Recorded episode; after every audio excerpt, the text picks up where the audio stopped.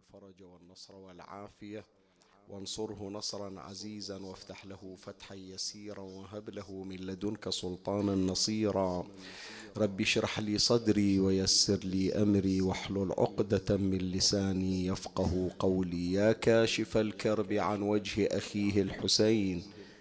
اكشف كربي بجاه أخيك الحسين. نادي عليا مظهر العجائب. تجده عونا لك في النوائب. كل هم وغم سينجلي بولايتك يا علي. يا علي يا علي. يا أبا الغوث أغثني. يا فارس الحجاز أدركني بلطفك الخفي ولا تهلكني. يا مولاتي يا فاطمة بنت محمد أغيثيني يا سيدتي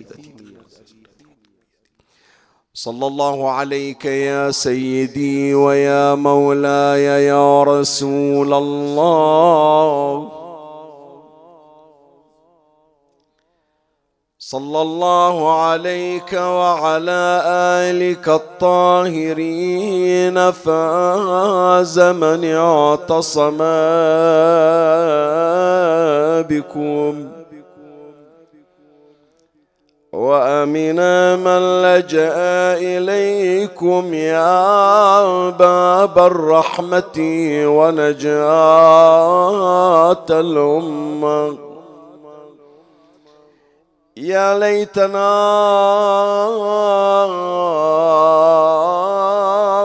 كنا معكم سعادتي فنفوز فوزا عظيما يا غريب يا مظلوم كربلاء. بأبي الإمام العسكري بصبره في الله كابد جور كل مهين. حتى قضى بالسام وويلا وإماما حتى قضى بالسم تفديه الورى. من بعد آلام وطول شجوني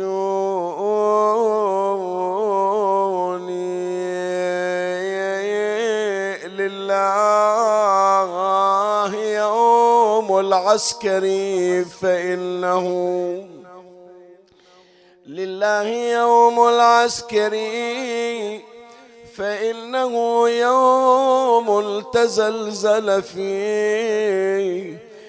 عرش الدين الله يساعد ابن يوم شاله وقام يغسله ويبكي على حاله. حسافة حسافة يا حسافة موتة أولاد الرسالة. ناسب ذبح ناسب سم ميتي. إي ناسب ذبح ناسب سيا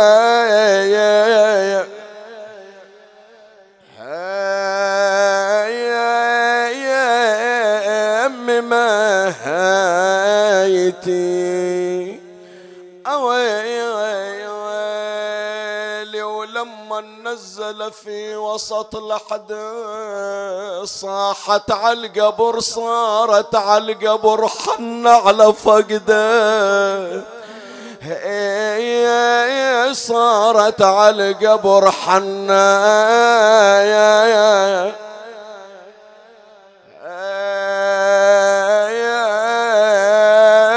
يا يا على فاقد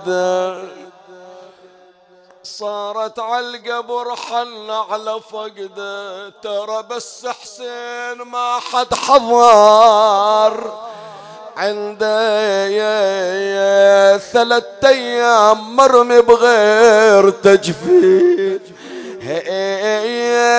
ثلاث أيام مرمي بغير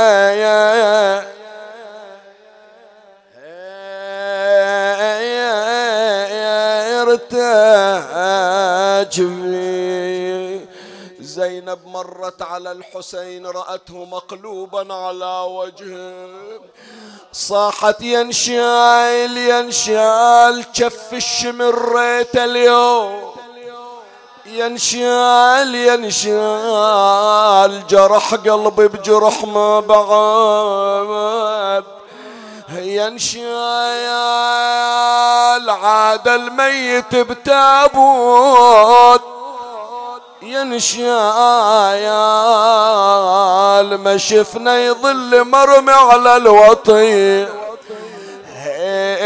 ما شفنا يظل مرمي على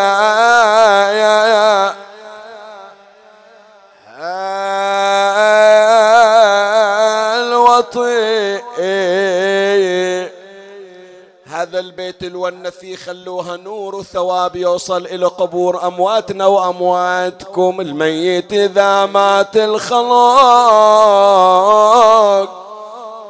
تحضر جهائزه تتساعد العالم على سرعة نجاز. يصيح صايح في البلاد.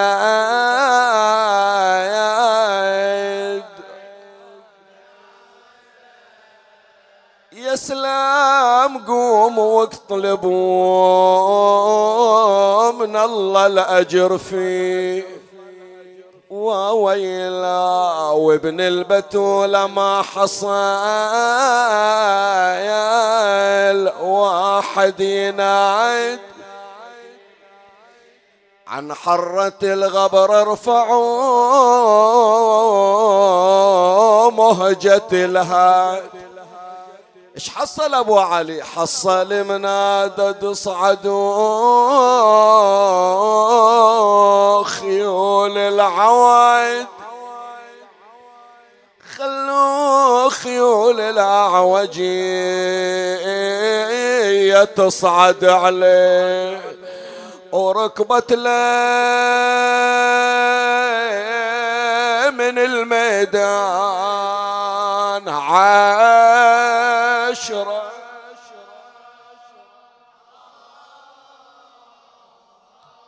عشرة يا صاحب الزمان وداست خيلهم من فوق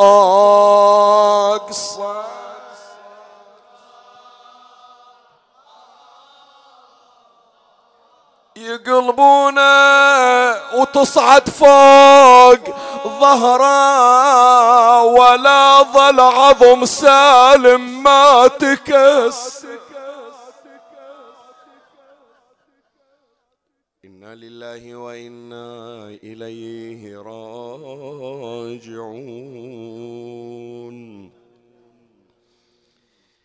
ورد في زيارة إمامنا الحسن بن علي العسكري صلوات الله وسلامه عليهما. السلام عليك يا أبا الإمام المنتظر. الظاهرة للعقل حجة والثابتة في اليقين معرفة. المحتجب عن أعين الظالمين والمغيب عن دولة الفاسقين والمعيد ربنا به الإسلام جديدا بعد الانطماس والقرآن غضا بعد الاندراس ورحمة الله وبركاته. صلوات على محمد وعلى اللهم صل على محمد وعلى محمد وعجل فرجه.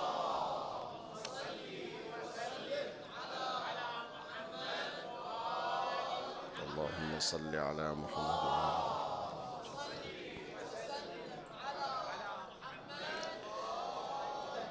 هذه هي الحلقة الثالثة من سلسلة كنت قد ابتدأتها منذ الليلة الماضية وتشتمل على حلقات ثلاث وختام هذه الحلقات في ظهر هذا اليوم إن شاء الله. والسلسلة تحمل عنوان محن بيت الإمام العسكري عليه السلام. ولا يفوتني لا يفوتني في البداية أن أنوه أن لعل البعض هذا يسمونه دفع إشكال مقدر. قد يشكل البعض أنه شيخ ياسين في هذه الشهادة في هذه الذكرى ما استوعب سيرة الإمام العسكري عليه السلام منذ ولادته حتى شهادته. في الأعم الأغلب في شهادة المعصومين عليهم السلام أحاول أن أجمع أكبر كم من من سيرة المعصوم عليه السلام.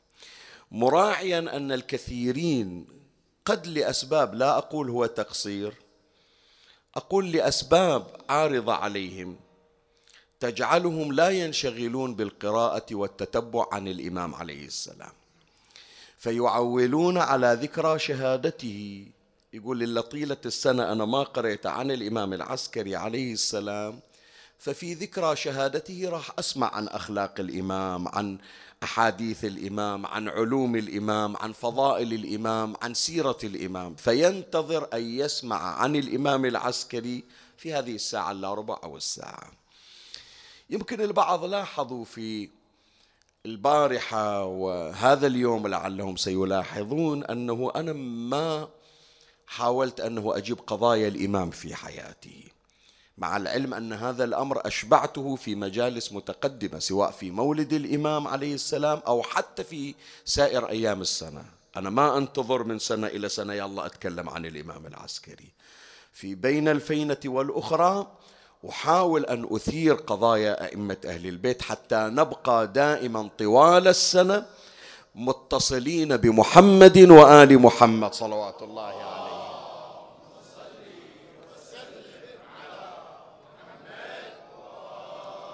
لكن غرضي من هذه السلسلة يا إخواني أن ما جرى في شهادة الإمام العسكري عليه السلام ما قبل الشهادة وما بعد الشهادة أمر خطير جدا.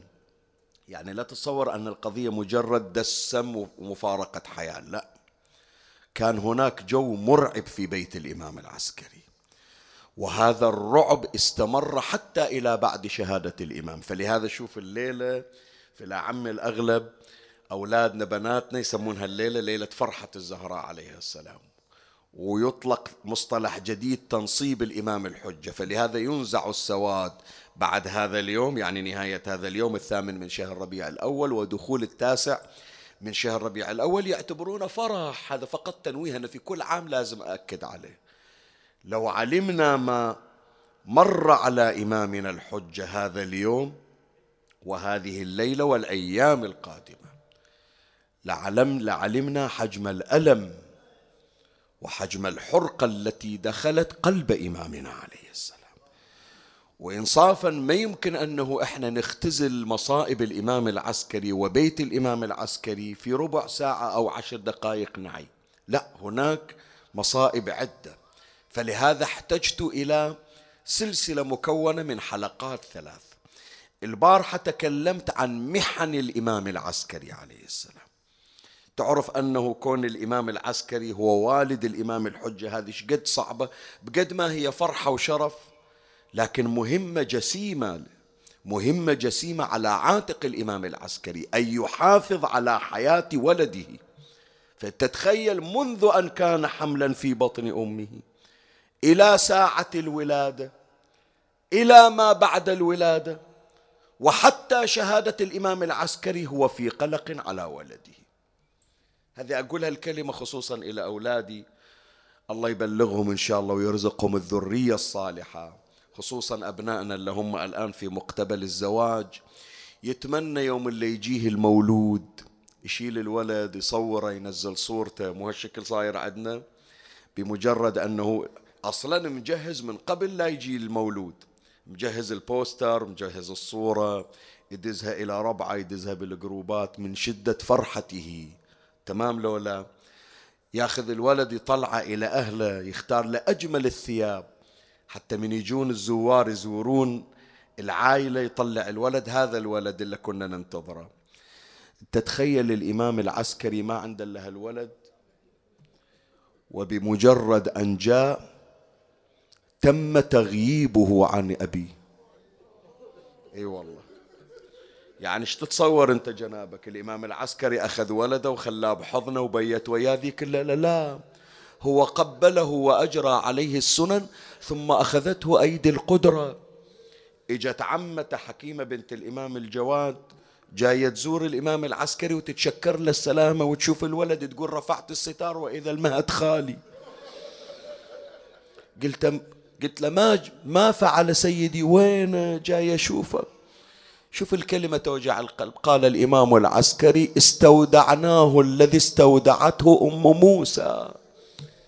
يعني أم موسى حطت ولدها في التابوت وذبته بالنهر وسلمته إلى رحمة الله. إحنا بعد سلمناه إلى رحمة الله. هذه المولود اللي كان ينتظر الإمام العسكري. ويوم إجاه غيب عنه حتى أرجع إليه بعد ذلك. والكلمة هذه قلتها البارحة وراح أشير إلها في بحثي هذا اليوم حتى تعرف المصايب اللي مرت على أهل البيت هذا اليوم. خمس سنوات طفل منزلينه في سرداب وسادين عليه الباب. يلي رحتوا الأربعينية يلي إجيتوا إلى سامرة نزلتوا السرداب لو ما نزلتوا كم عتبة؟ يلا نزلت. سووا للزوار أسانسير لفت. ما يقدرون يحولون. ترى عمي هالسرداب اللي تنزل فيه حاطين فيه طفل عمره خمس سنين. يسدون عليه الباب ما حد يدري عنه. يجيه الإمام العسكري أبوه تجيه أمه بالليل نص الليل بالخفية يزورونه. ربع ساعة نص ساعة ويترك أبويا الله وياك ما أقدر أطول وياك خايف عليك. فمحن وآلام. ومصائب مرت على بيت الإمام العسكري عليه السلام. البارحة تكلمنا عن الإمام العسكري وما مر عليه من محن. ظهر هذا اليوم إن شاء الله في مجلس التعيسي راح نتكلم عن أم الإمام الحجة السيدة نرجس خاتون عليها السلام ومحن السيدة نرجس خاتون. هذا المجلس معقود لذكر محن الإمام الحجة في شهادة أبيه. أحاول أنه أغطي لقليل ما يتعرض إليه. ومن الله أستمد العون والتوفيق ومن مولاي أبي الفضل العباس المدد وألتمس منكم الدعاء. وثلاثا بأعلى الأصوات صلوا على محمد وآل محمد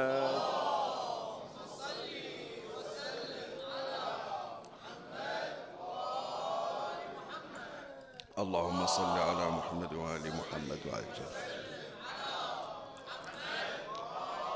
اللهم صل على محمد وآل محمد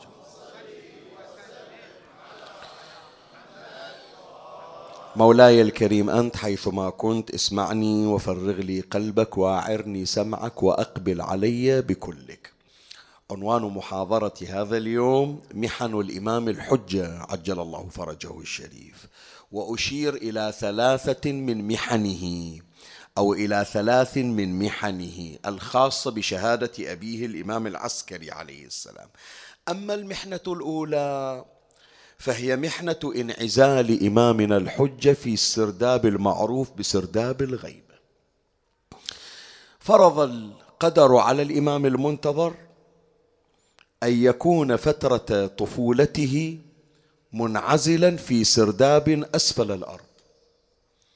ولا يتمكن أحد من الوصول إليه بل ولا يعلم أحد بمكانه إلا الخواص وهو الإمام وزوجة الإمام فقط. ما شفنا غير هذا إلا الخادم الذي تفاجأ بوجود الإمام سلام الله عليه. يعني مو حتى يجي الخادم ويمر على الإمام باستمرار لا. الخادم راح يمر عليه هي الأسماء اللي تسمعها اليوم في شهادة الإمام راح أعرفك إن شاء الله. بمحتواها. هذا الخادم مع ما له من خصوصية ما يدري بأن الإمام موجود في السرداب. وإنما تفاجأ في يوم شهادة الإمام. ومدة لقائه بالإمام كلها سويعات ثم لم يره بعد ذلك. خلي أقرأ لك الرواية اللي يرويها العلامة المجلسي في بحار الأنوار الجزء 52 صفحة 16 الإمام العسكري عليه السلام عند خادم اسمه عقيد راح يمر علينا منها عقيد؟ هذا اللي يذكرون الخطباء اليوم في المنابر. قال الإمام العسكري عليه السلام لخادمه عقيد ادخل البيت فإنك ترى صبيا ساجدا. يعني انزل تحت للسرداب وبتشوف صبي تتخيل جنابك. السرداب عادة عمي يعني شوية هذا يعرفون اللي في بيتهم سراديب. حتى لو السرداب مضوي نص الليل ما حد يقعد بسردابه بروحه. إيه؟ حتى لو كان مضوي ما دام أسفل الأرض يعني يحس بأنه نفس الوحشة موجود فيه. فكيف إذا كان هذا السرداب مظلم وأسفل الأرض وليس فيه أحد إلا صبي عمره خمس سنوات؟ فيقول له ادخل البيت فإنك ترى صبيا ساجدا فأتني به روح جيبه. قال أبو سهل قال عقيد هذا الخادم هو الآن يسولف. فدخلت أتحرى أدور المكان مظلم وما عندي خبر بأن هذا السرداب مهجور ما ننزل فيه. شلون طفل موجود؟ فدخلت أتحرى فإذا أنا بصبي ساجد رافع سبابته نحو السماء. شوية خلي أوقف وياك عند هالعبارة يعني. ترى اليوم أنت ما تبكي بس على الإمام العسكري.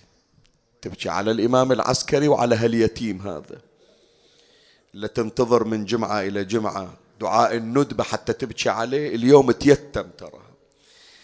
مولاي تعرف السجود عادة لابد أن تكون مواضع السجود ملامسة إلى الأرض. مو صحيح؟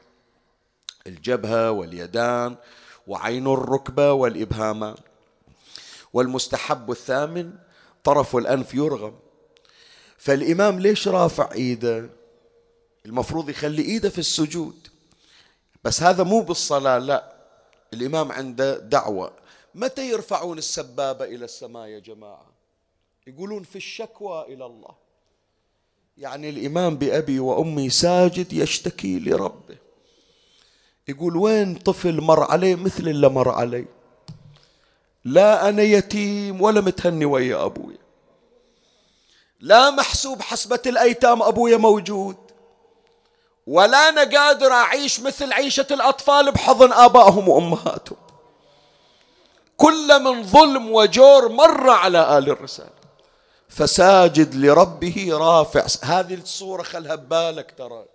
الليلة عمي من تريد تفرح تتونس تصور حالة إمامك بعد طفل دمعته على خده ويشتكي إلى ربه ما وقع عليه من فإذا أنا بصبي ساجد رافع سبابته نحو السماء فسلمت عليه. فأوجز في صلاته يعني اختصر بعد السجدة. فأوجز في صلاته فقلت إن سيدي يأمرك بالخروج إليه. قوم ترى أبوك يريدك فوق.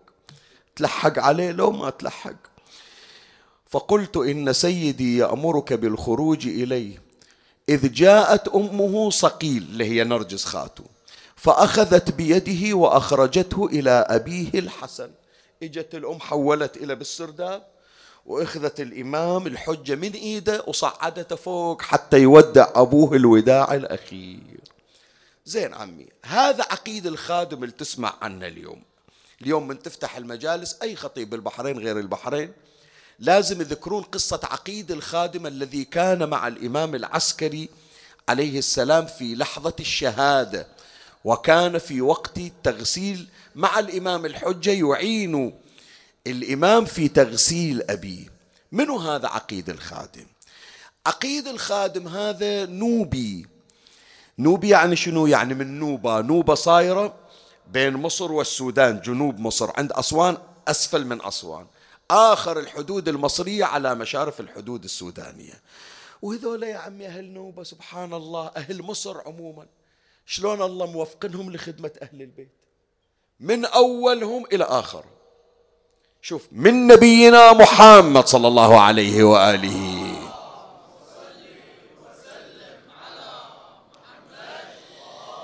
إبراهيم ابن أبي رافع يتزوج امرأة أيضا مصرية اسمها سلمى زوجة أبي رافع. ويجيبون أولاد ثلاثة عبد الله وعبيد الله وعلي. والأسرة كلها تخدم النبي والزهرة وأمير المؤمنين عليه السلام. وتجي أيضا أفواج من مصر ومن النوبة ويصيرون في البيت العلوي يخدمون أهل البيت. هذا آخرهم عقيد الخادم. هذا جابوه إلى الإمام الهادي عليه السلام. شوف التوفيق اللي الله أعطاه إلى ذولا. جابوه إلى الإمام الهادي وصار يخدم الإمام الهادي. من ولده الإمام العسكري؟ هو اللي تلقاه بإيده. هو اللي يجهز هدومه يجهز أغراض فصار خادم للإمام العسكري. واستمر في خدمة الإمام العسكري من قبل الولادة إلى ما بعد الشهادة. وعاون وتشرف بخدمة الإمام الحجة أرواح نافذة شوف شلون توفيق. زين. هذا عقيد الخادم مع خصوصيته مع أنه مقبول عند أهل البيت. ما خبر الإمام العسكري أنه عندي في السرداب ولد واسمه المهدي. خوف عليه. أمر الله. غيبة هذه. غيبة كانت قبل الغيبة الصغرى والكبرى.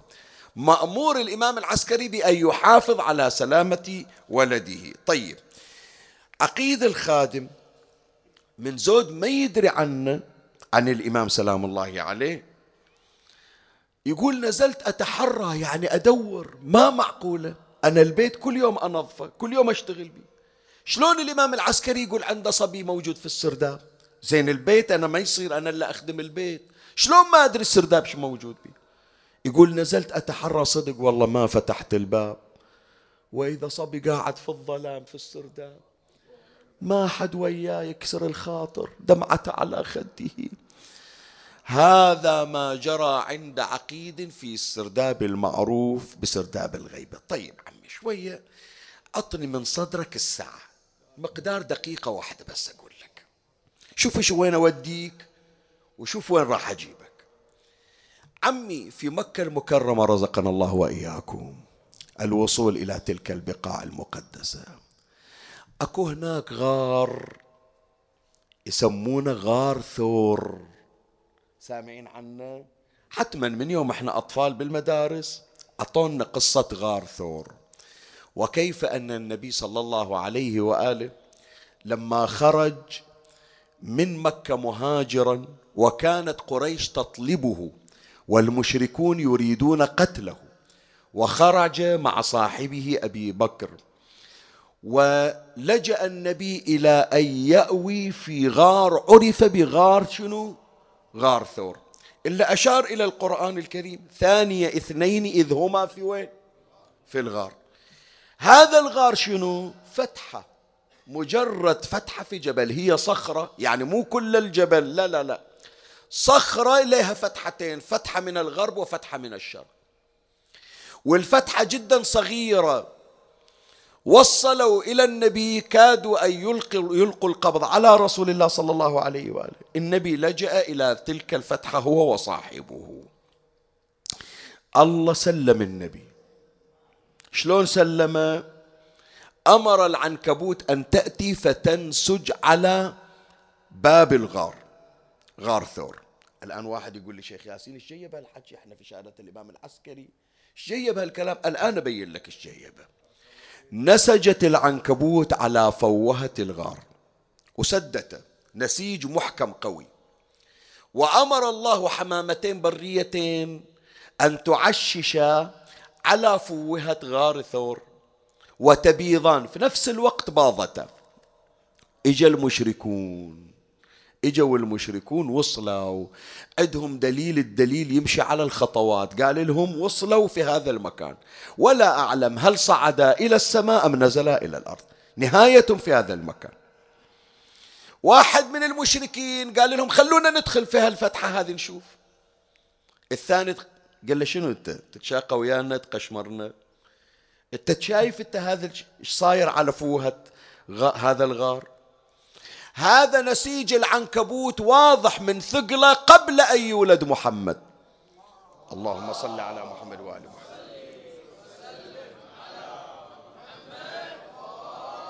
يعني صاير هذا النسيج سميك. مو مال يوم ولا اثنين ولا أسبوع ولا سنة. على الأقل أربعين إذا مو أكثر من أربعين سنة. شوف إيش قد متنا. زين إذا دخل من الفتحة شلون ما تمزق شلون يصير؟ حدث العاقل بما لا يعقل فإن صدق فلا عقل له. طيب آمنا بالله. جاب واحد ولزقه ذول الحمام الحمامة ما تفرخ في مكان ناس رايحة جاية عليه تخاف على بيضها خصوصا الحمامة البرية. فقطعا محمد لا يرى. أبو بكر يلتفت إلى النبي يقول لو نظر أحد إلى قدمه لرآنا. النبي يقول له ما ظنك باثنين الله ثالثهما. فإحنا في حماية رب العالمين. لا تخاف. لا تحزن. إن الله معنا. زين. راحت قصة غار ثور. النبي مار عليه مرور ما سكن. جاي كله مرور ومشى. روح عمي شوف غار ثور الآن في مكة إيش صاير. صار مزار لو ما صار مزار. الناس تروح وتتعنى. وتصعد فوق 760 متر. يلا توصل إلى الغار. أربعة كيلو يقطعونها مسافة إلى غار ثور وصعدون 760 متر. ليش؟ حتى يشوفون كرامة الله منجي نبيه ومن معه في ذلك الغار. حطوا جهة الإرشاد الدعوة والإرشاد كشك وخلوا مرشد ديني. ومن يجي واحد يشوف المكان ما يقولون له هذه الجية بدعة. لا يقولون له عفية عليك. جاي تشوف محل بركة للنبي كرامة للنبي. هذا مكان كرامة للنبي ولصاحب النبي. ومحل اللي تكلم عنه القرآن ثانية اثنين إذ هما في الغار. ما قالوا بدعة. عرفت إيش أريد أقول لك؟ أنا لو ما عرفت. وصلت الرسالة لو ما وصلت. زين. إيش أريد أقول؟ خاف ما وصلت الرسالة. إيش معنى غار ثور صار كرامة؟ سرداب الغيبة صار بدعة. سؤال أسأل. هي هذا عمي النبي ما اجى سكن في غار ثور. النبي ما استوطن لا حط له فراش ولا نام فيه. هو مجرد ما مشوا المشركون طلعوا من غار ثور ومشوا. إلى الآن الناس تتبرك ليش؟ لأن الله سلم نبيه ومن معه من كيد المشركين في ذلك الغار. يجون إلى واحد من أولاد النبي. الله سلمه في بيت وأي بيت؟ في بيوت أذن الله أن ترفع ويذكر فيها اسمه. عمي هذا مو غار ولا جبل ولا كهف. هذا بيت يصلي فيه آل محمد صلوات الله عليهم. اللهم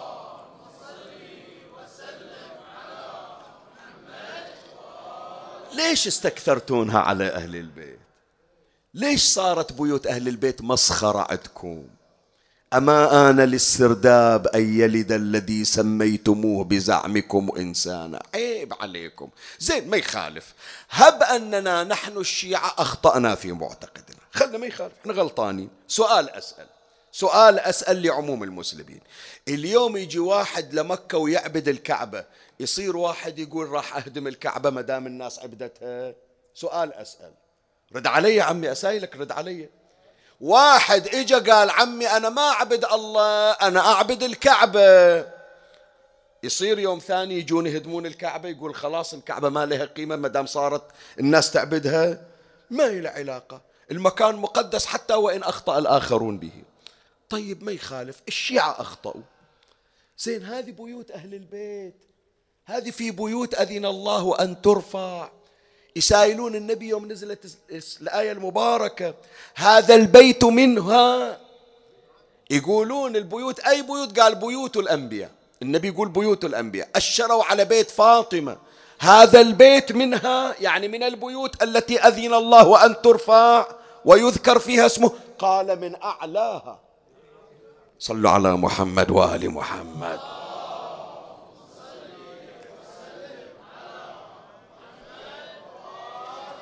فوين تقديركم إلى بيوتات آل النبي؟ هذا مكان أظهر هذا مكان أظهر الله فيه كرامته. كل ما يجون يفتشون كل يوم تفتيش يصير. كما أخفى الله نبيه عن أعين المشركين.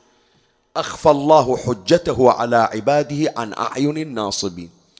وكما ظهرت كرامة لإمامنا الحجة كانت من قبلها كرامة لجده المصطفى محمد صلى الله عليه وآله.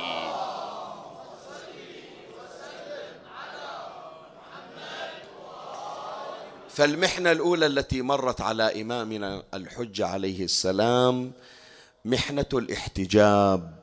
في سردابه المعروف بسرداب الغيبة أما المحنة الثانية محنة الصلاة على جثمان أبيه الإمام سلام الله يعني واحد يقول وين يعني؟ بالعكس عادة يمكن الإنسان شوية يعني هذه مر علينا يعني. يمكن أكو واحد زعلانين عليه الديرة لكن تصير عنده فاتحة خصوصا إذا فاتحة أبوه.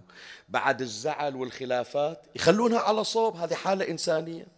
فلهذا إذا شافوه يبكي إذا شافوه منهار يقولون له استريح إحنا نتولى شيل الجثمان إحنا نتولى نجيبه إلى المغتسل. تمام لو لا؟ فيكرم الإنسان عادة في وقت التشييع تعال شوف إمامنا الحجة. تعال شوف إيش قد اليوم موجوع قلبه. حتى الصلاة على أبوه نازعوه فيها. أقرأ لك الرواية اللي يرويها أبو الأديان البصري. العلامة المجلسي يرويها في بحار الأنوار جزء خمسين صفحة ثلاثمية واثنين وثلاثين. قال أبو الأديان البصري فلما صرنا بالدار إذا نحن بالحسن بن علي عليهما السلام على نعشه مكفنا. فتقدم جعفر بن علي ليصلي على أخيه. فلما هم بالتكبير خرج صبي شوف عمي هذه لا هي مصراع ولا هي مقتل. لكن المهدويون وعشاق الإمام الحجة ينكسر خاطرهم عليه. خرج صبي بوجهه سمرة بشعره قطط بأسنانه تفليج فجذب رداء جعفر بن علي. قام يسحب عمه من من رداءه وقال تأخر يا عم. فأنا أحق بالصلاة على أبي خمس سنين محروم من حضن أبوي. دخيل الله حتى صلاتي على أبوي لا تحرموني من عدها. لا أنحرم من أبويا في حياته وفي مماته. ما خليتوني أتهنى حالي حال بقية الأولاد. خلوني دخيل الله أودع أبويا وأطيح على جنازته. تأخر فتأخر جعفر وقد اربد وجهه. فتقدم الصبي فصلى عليه ودفن إلى جانب قبر أبيه فالإمام سلام الله عليه حفظه الله تبارك وتعالى وكسر حاجز الغيبة. المفروض الإمام ما يطلع لكن صار الإمام بين أمرين بين أن يبقى فيصلي على جنازة أبيه غير المستحق أو أن يخرج ويغامر بنفسه ويتكل على حفظ الله له ويصلي على جنازة أبيه لأن المعصوم لا يتولى أمره إلا معصوم مثله. فطلع وهو في حفظ الله وبس صلى على أبوه نزلوا يدورون ما شافوا. وهنا نأتي إلى المحنة الثالثة ونختم حديثنا. زين عمي شوف أنت جاي الآن هذه الساعة لبالك الآن الجنازة موجودة؟ لا عمي. ترى الإمام العسكري فارق الحياة ويا صلاة الصبح. يعني الآن العسكري مدفون هالساعة. الآن المصايب نزلت على بيت الإمام العسكري. المصايب نزلت على هالصبي اللي عمره خمس سنوات. شنو المصايب؟ تشتت بيت الإمام العسكري. هذا البيت هذه الأسرة كلها تفرقت. الليلة عم إن شاء الله تقول حطوا فاتحة عليه سؤال أسأله للهملة سؤال ردوا علي. ترى شفناها إحنا من ينزلون الجنازة في القبر؟ قالوا يلا الماتم. الحسينية مو صحيح؟ أهل الفاتحة. متى جيتون الماتم؟ بعد ما أخذتوا إجازة من وراء التشييع.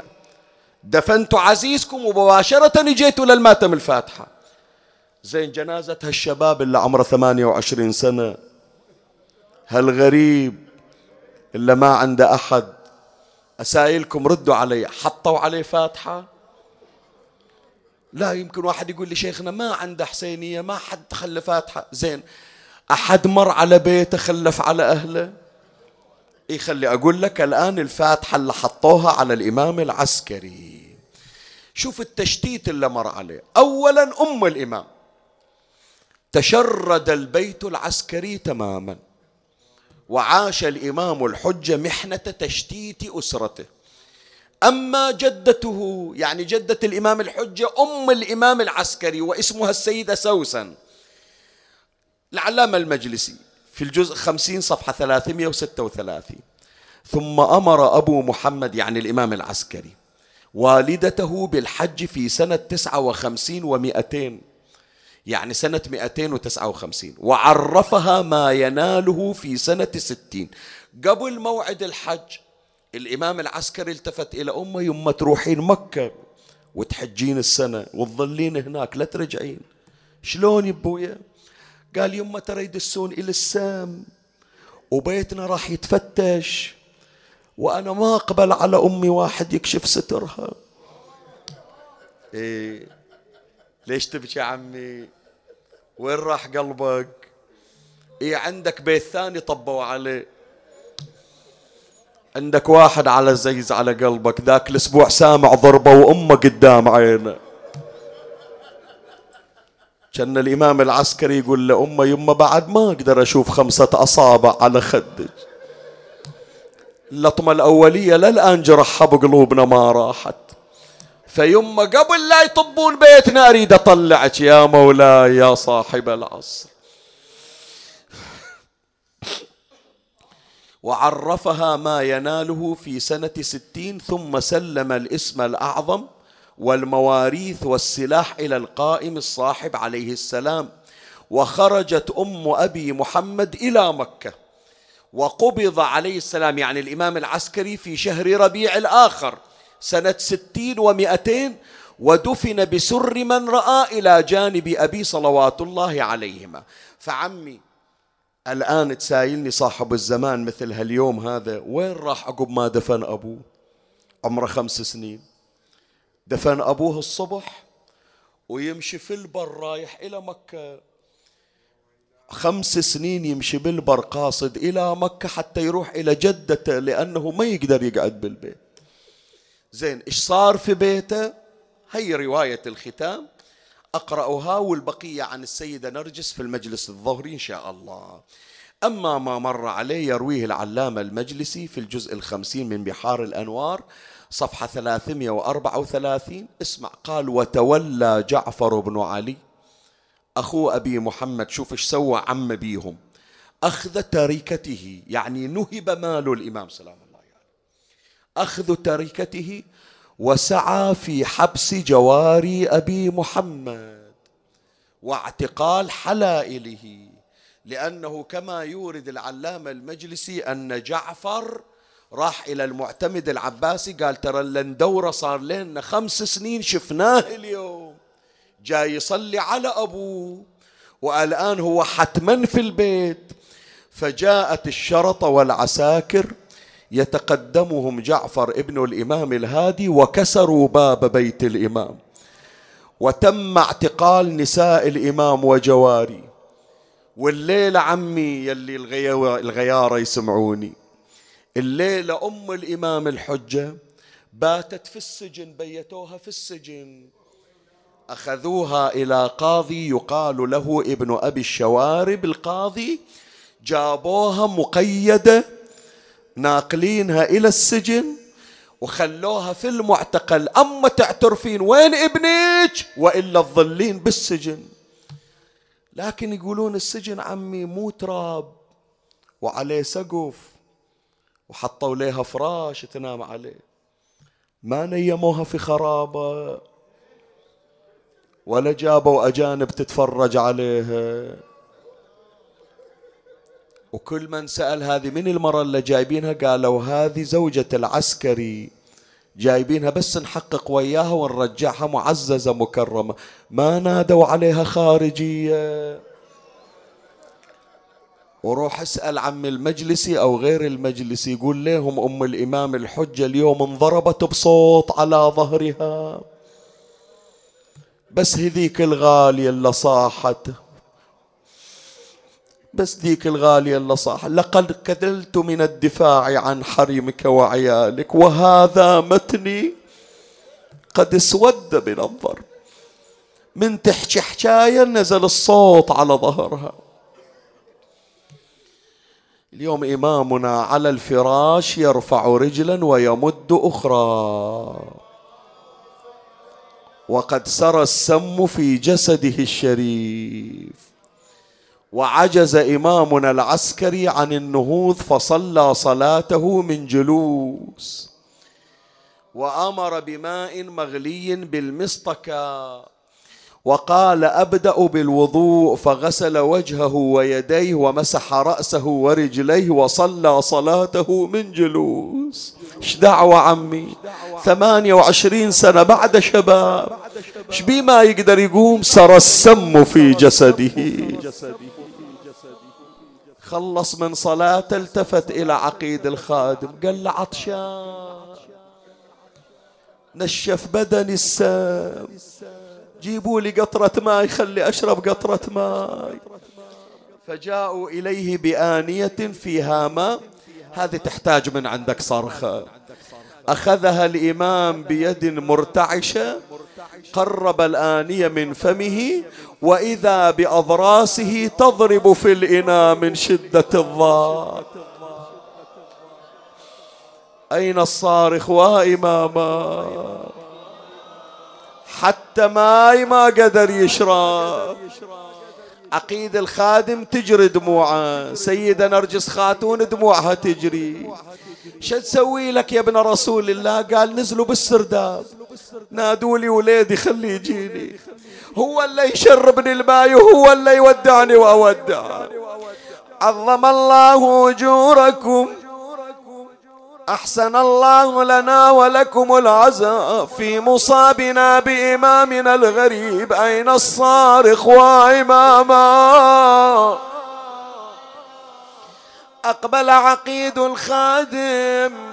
فتح باب السرداب وإذا الإمام الحج ساجد لربه رافعا سبابته نحو السماء دمعته تجري على خده قلت له سيدي إن أباك يدعوك الساعة. أقبلت إليه أمه ضمته إلى صدرها أخذته من يده أقبلت به إلى أبيه رمى بنفسه عليه. وقد اشتاق الحبيب إلى حبيبه أين الصارخ وإمامه؟ يصيح يا ابن الدن ليا واستمع لوصيتي. عظم الله الأجر لك في مصابي وموتتي. يا ابني بوصيك بوصية لا تنوح مصيبتي. على منو انوح نوح للي بكربلاء بالخيل داسه وجثته متعود من عندكم ونت زلزل الحسينية؟ سمع العالم صوتك. لازم الطالب بثار اللي انذبح في كربل. أحسنت؟ انقطع راسه من القفا ومن دم نحره غسل. وجثته ظلت على حر الصعيد معطل. وراسه من فوق الرموح تلعب الريح بشيبته. وويلا وجدك السجاد يا ابني مقيدين بالحديد. وصاحوا عليهم خوارج بالسكك مثل العبيد. وأنا السادة وعمتك زينب الحورة دخلت بمجلس. وراس أخوها بالطشيت والخيزران صابته وبينما هو يكلمه إذ أغمي عليه وويله أفاق وهو يقرأ القرآن ثم انقطع صوته. وحينها مد رجليه وأسبل يديه وقال ولدي محمد في أمان الله. وأشرق النور من جبينه وفاضت روحه الشريفة. أين الصارخ وإماما؟ أين المنادي وغريبا؟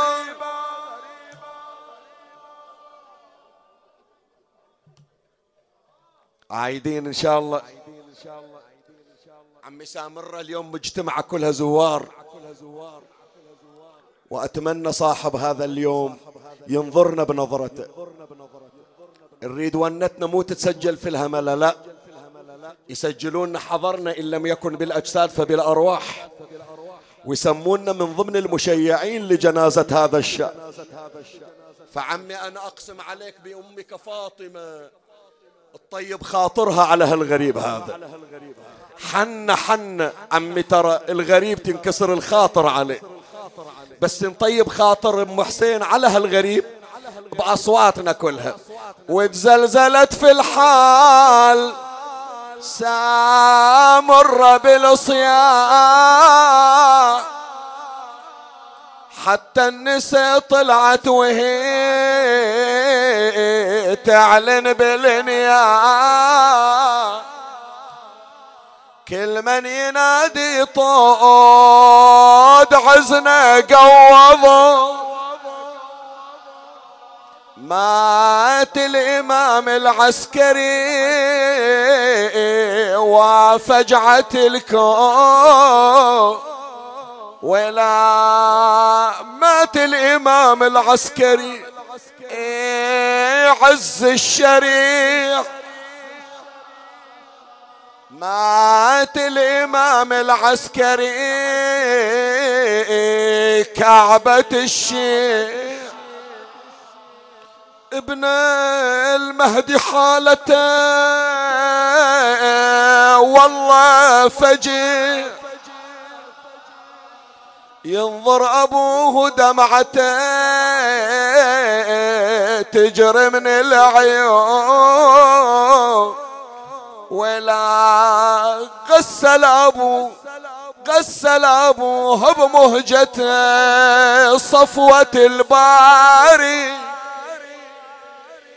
وظل على المغتسل يبكي ودمع العين. جاري. ليت نظر جده على التربان.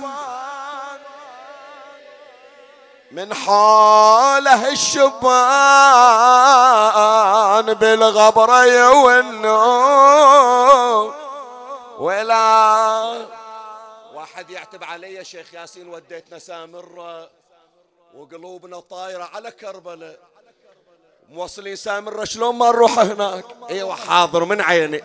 ليت نظر جدة بأرض الغاضر مر من ثلاثة أيام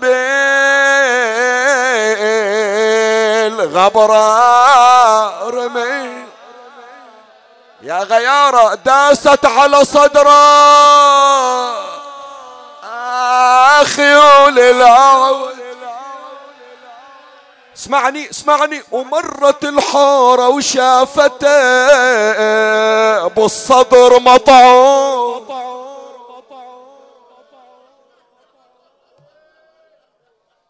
إي والله. خلاص عمي مجلسنا خلص بعد. شو نقرأ بعد أكثر من هذا؟ صار كنا مجلس من أيام عاشوراء. بس عمي أهل الهمل أنزل من على المنبر خلي أحكي وياكم. خلص الموسم. انقضى عاشور وصفار. وهالسواد بعد اليوم عقب المجلس بشيلونه. وما ندري العمر بعد بيطول ونحضر ماتمك يا حسين لولا. إي والله. عمي كلها عاشور كلها عاشور. وجه الصباح علي ليل مظلم وربيع ايامي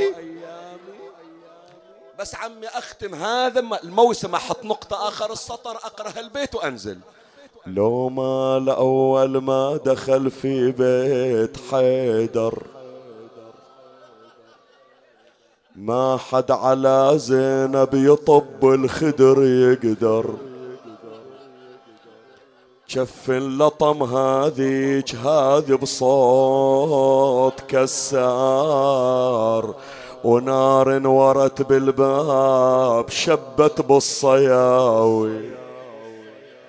شنو ما خلصتوا بواكي إن كان فاطم يا خلق كسرة وضلعها. زينب مشت للشام والأيتام معها. هذيك الأول عن إرث بوها منعها وهذه وهذه منعوها لا توصل جثة حسين. إن كان فاطم يا خلق دخلوا عليها زينب مشت للشام وردت ما عليها. مرت على الناقة وهي تنظر. وليها. والله عجيبة شلون زينب خلت حسين. أنعم جوابا.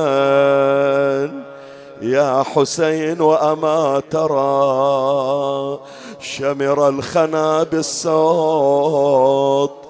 كسر أضلعي. لا تقول زينب مستراحة.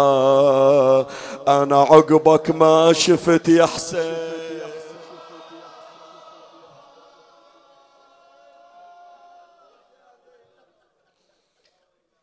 صل على محمد وآل محمد.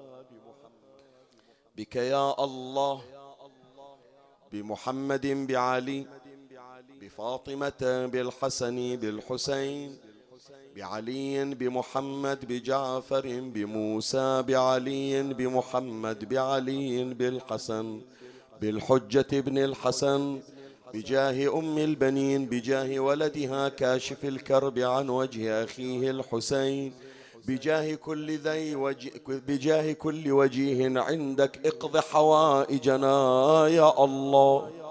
فرج عنا وعن المؤمنين سيما من سألونا الدعاء يا رب العالمين. من اجتمعنا بسببه اللهم صل وحدته وآنس وحشته وسكر روعة خفف اللهم عنه ثقل الثراء اغفر لنا وله يوم يقوم الحساب. ترحم عليه وعلى أمواته وأموات الحاضرين والسامعين والمؤمنين سيما من لا يذكره ذاكر من شيعة أمير المؤمنين. عجل اللهم فرج إمامنا صاحب العصر والزمان. شرفنا برؤيته وارزقنا شرف خدمته.